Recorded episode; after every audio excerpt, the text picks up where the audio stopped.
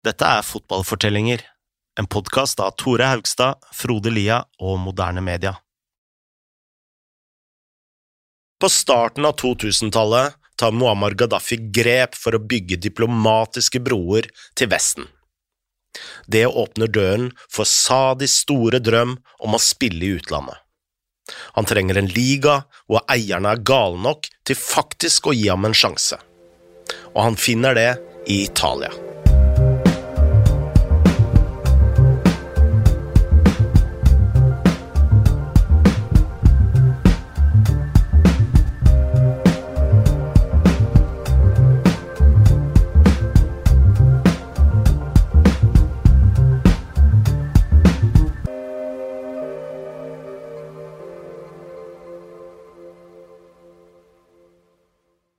Egentlig begynne å besvare det største spørsmålet først.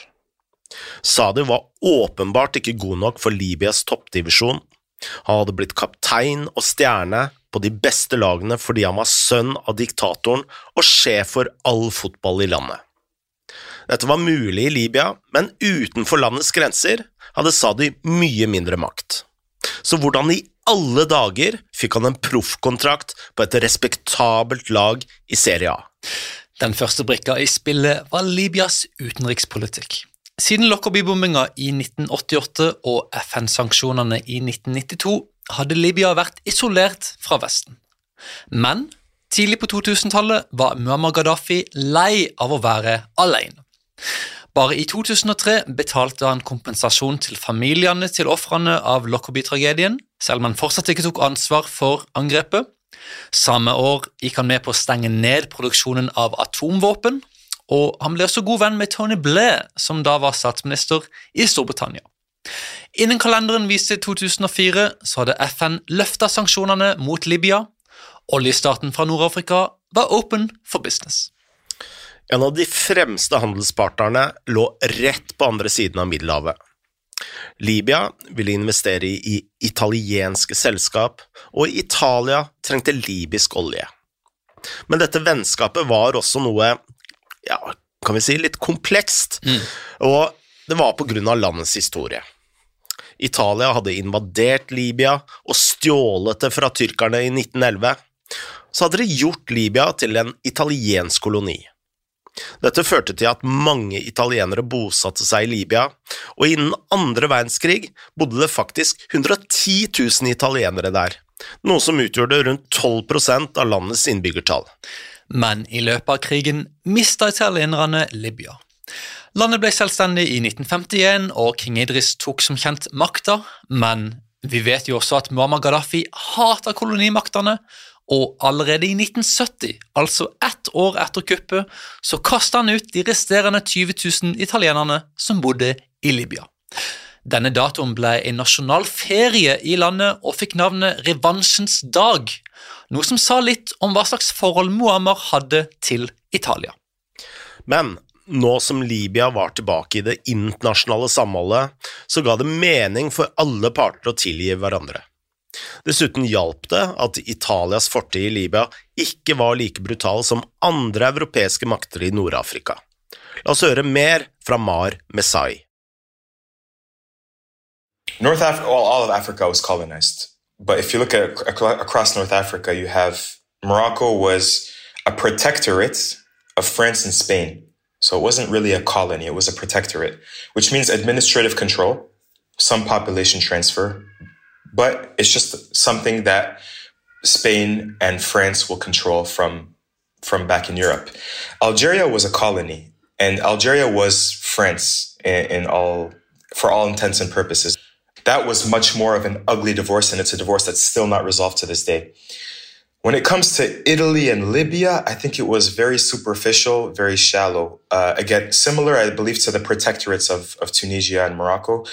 Um, there was freedom fighters that fought the Libyan invasion at the time. Uh, Omar al-Mukhtar is one of seen as like one of Libya's biggest freedom fighters, historical figures. But again, Libya is exerting administrative control. We don't have a huge population transfer, but what you do see is you see cultural influence that comes in. You see things like they eat more pasta. You know, as as cliche it is, it is. They'll eat more pasta. They'll have you know words in Italian that will seep into the uh, dialectical Arabic in Libya that we don't have in Algeria or that we don't have in Morocco. Um, but it, there's not that much of a of a an ugliness in terms of um, an inferior a complex. You know, there's not that much. Of, there's no psychological complex like there is between Algeria and France, where to this day, if a head of state says something, it can cause a diplomatic crisis. That's not the case. I think when Libya becomes independent, and then especially when Gaddafi comes into power, it very much becomes a relationship of interests. Libya is an energy hub. Uh, they have pipelines that'll go to Italy. Europe is, as, we, we've seen very recently with the Russian invasion of Ukraine, very heavily dependent on energy sources. You know, if it's not coming from East Europe, a lot of the times it's coming from the Middle East or from North Africa. So I think they have very much this quid pro quo relationship of uh, exchange of interests. Um, but there isn't, what, what I want to say from the very beginning is that there isn't that colonial past and that colonial psychological complex that there is in, in other parts of Africa and especially uh, in Algeria. Dette la altså grunnlaget for et produktivt forhold mellom Libya og Italia. Det åpna også døra for at Sadi kunne følge sin egen proffdrøm i utlandet, men Sadi han hadde ikke venta til 2003 med å legge planer for fotballen. Allerede noen år før hadde Libya begynt å bygge vennskap til deler av Vesten, noe Sadi hadde utnytta til fulle. I 2000 hadde Sadi overtalt Middlesbrough til å besøke Libya og spille en kamp mot et libysk landslag med ham selv i startoppstillingen, selvsagt. The Times skriver at Middlesbrough fikk én million pund for å stille opp, og Borough var ganske gode på den tiden. Det hadde kommet på tolvteplass i Premier League, med spillere som Paul Eanes, Gary Pallister, Eugenio og så klart Paul Gascoigne. Faktisk begynte turen dårlig for Gaza, som dukka opp på flyplassen i Newcastle klokka fem om morgenen med store tårer i øynene fordi han hadde selvsagt glemt passet sitt. Heldigvis fikk noen henta passet til Gaza i tide. Boro tilbrakte tre dager i Tripoli, men det de trodde skulle bli en solfylt treningsleir med masse avslapping og chill, ble i stedet et litt sånn skremmende opphold. Da de landa, så hadde draktene forsvunnet, da de skulle besøke den britiske ambassaden i Libya, så gikk en av trenerne seg vill. Og så ble de invitert til Muammar Gaddafis personlige restaurant, som visstnok roterte på en høyde over Tripoli, sånn at man kunne se hele byen fra bordet. Men det var tungt med vakter og våpen overalt, og veldig få av spillerne følte seg i det hele tatt komfortable. De fikk i det minste spille litt kamper, deriblant mot Libya, som vant 1-0, og et av bildene viser Sadi og Gaza ta hverandre i hånda ute på banen etter å ha bytta drakter. To år senere gjorde Gaddafi-familien business direkte med Juventus. Vi vet ikke konkret hvorfor Sadi likte Juventus, men han hadde vokst opp da de herja under Giovanni Trapattoni og ikke minst Gianni Angeli. Også på 90-tallet var Juventus råsterke under Marcello Lippi. Uansett, i 2002 kjøpte Libya 5,31% av aksjene i Juventus.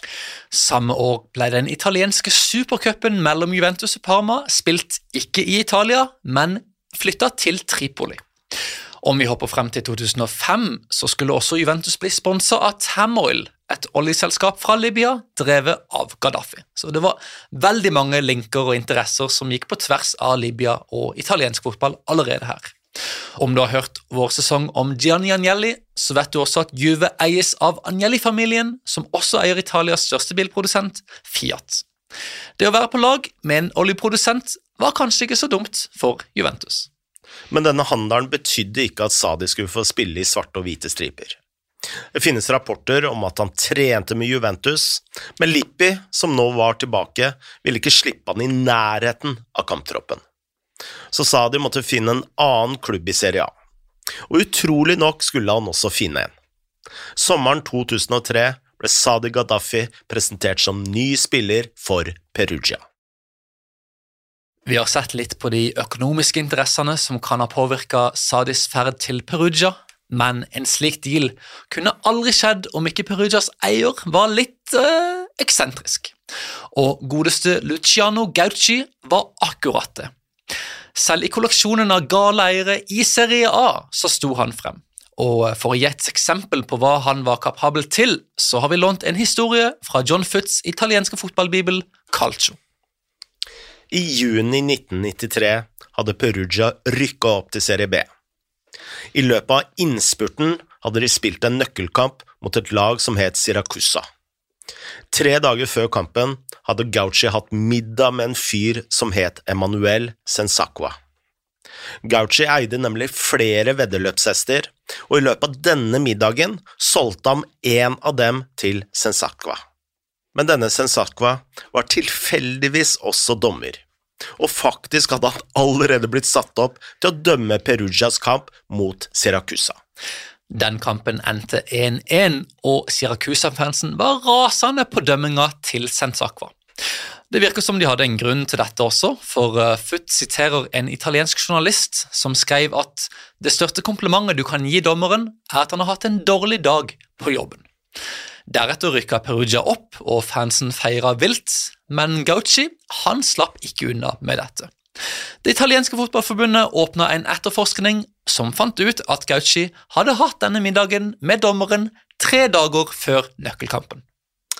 Gauchi, på sin side, han hevda at de bare hadde snakka om hester. Da han ble beskyldt for å påvirke dommeren, forsvarte han seg med å si at alle er jo korrupte, så hvorfor gikk de bare etter ham? Da fansen fant ut at opprykket kanskje ville bli kansellert, blokkerte flere tusen av dem motorveien og kasta steiner mot politiet og skjøt opp fyrverkeri. Så voldelig ble det at politiet måtte bruke tåregass, og en gymsal ved en skole ble i tillegg satt fyr på. Og ifølge FOT prøvde til og med noen fans å avbryte en basketkamp som ble vist direkte på TV, for å protestere mot forbundet. Men dette hjalp ikke. Perugia ble værende i Serie C, mens Gauci ble utestengt i tre år. Og dommeren han ble bannlyst for livet og vendte tilbake til sin gamle jobb som bilmekaniker. Men Gauci han slo tilbake gjennom 90-tallet.